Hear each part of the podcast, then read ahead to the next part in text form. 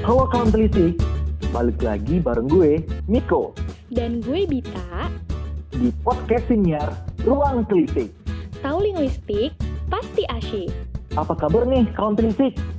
Semoga sehat selalu ya. Iya nih, apalagi di masa pandemi kayak gini, buat kawan telisik semua, jangan lupa untuk selalu jaga kesehatan dan tentunya juga tetap patuhi protokol kesehatan jika keluar rumah, seperti menggunakan masker serta membawa hand sanitizer. Yap, bener banget. Oh iya, di episode kali ini kita bakal bahas apa sih, Bit? Di episode kali ini kita bakalan bahas sesuatu yang sering banget kita gunain sehari-hari. Wah, apaan tuh? Makanan? Baju? Bukan kak, beda kali ini. Ya, terus apa? Kan? Jadi bikin penasaran? Mau tahu aja atau mau tahu banget nih? Ya, mau tahu banget dong. Gue yakin nih, sobat telisik pun juga kepo. Iya iya, ya udah deh buat kawan telisik yang penasaran, jangan ke mana-mana, stay tune terus dan dengerin podcast ini sampai akhir.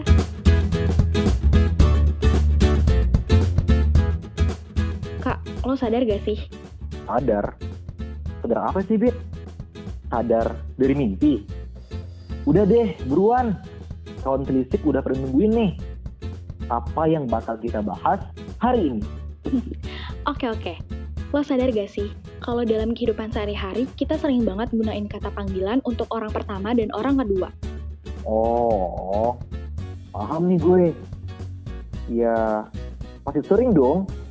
Kalau kita ngomong tanpa kata panggilan gitu, gimana kita bisa berinteraksi sama orang lain? Nah, kata panggilan yang biasa kita gunain sehari-hari itu kan lo gue. Apalagi kata panggilan ini sering banget dipakai sama kalangan anak muda yang sebaya sama kita, yang tinggalnya emang di daerah Jakarta dan sekitarnya.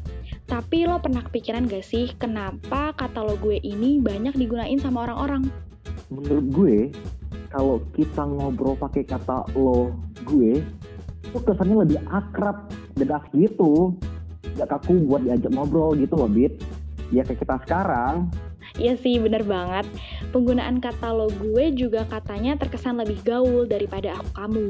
Tapi penilaian setiap orang kan beda-beda ya, sesuai pemahaman dan budaya di daerahnya masing-masing. Kayak gue pun sama teman-teman gue banyak yang pakai aku kamu, walaupun tinggal di daerah Jakarta. Terus lo pernah mikir gak kalau kata lo gue itu asalnya dari mana gitu? Kenapa kita sering banget pakai di kehidupan sehari-hari ini? karena kata lo, gue sering banget digunain di daerah Jakarta dan sekitarnya, mungkin asalnya dari bahasa Betawi kali ya. Karena kan orang Betawi banyak yang tinggal di daerah sana. Nah, tadinya gue juga mikir kayak gitu, Kak. Tapi ternyata salah.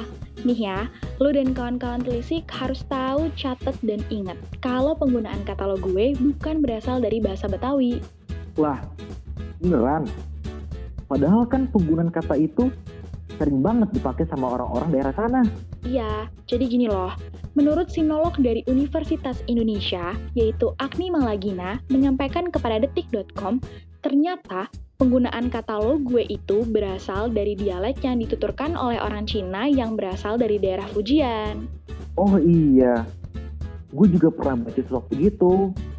Baca artikel, katanya orang-orang asal Fujian yang barusan lo bilang, mereka emang orang-orang yang mendominasi keturunan Cina yang ada di Indonesia.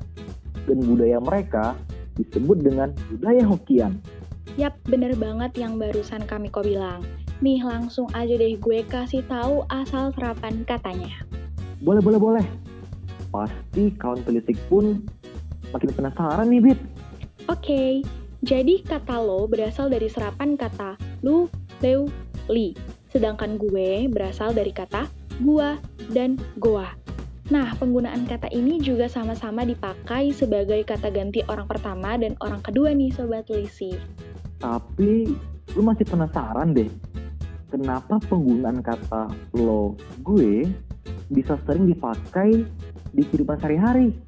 Jadi gini, Menurut sejarah, orang-orang Cina datang ke Indonesia tentunya udah dari zaman dulu kan. Ada yang bilang dari abad keempat Masehi, ada juga yang udah kumpul di kota-kota pelabuhan pas zaman Majapahit. Yang mereka emang datang ke Indonesia karena adanya urusan bisnis sejak era kolonial bangsa barat sampai era modern saat ini. Wah, pantesan ya orang Cina banyak banget yang punya usaha di Indonesia. Yap, mereka emang datang ke Indonesia dengan beberapa alasan, seperti misi dagang, model pendidikan biksu ke Sriwijaya, pelarian politik, sampai impor kuli dari Cina pas masa kolonial. Selain alasan-alasan yang udah lo sebutin tadi, akulturasi budaya akibat perkawinan orang Cina dengan Indonesia, menurut gue juga bisa jadi faktor terserapnya budaya peranakan termasuk bahasa. Bener gak sih? Yap, gue setuju banget. Pengaruh-pengaruh itu juga lebih cepat terserap di kota-kota perdagangan pesisir pulau nih Sobat Telisik, termasuk Batavia yang saat ini adalah Jakarta.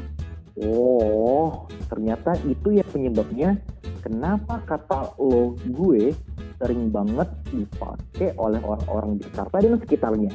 Yap, tapi nggak cuma itu.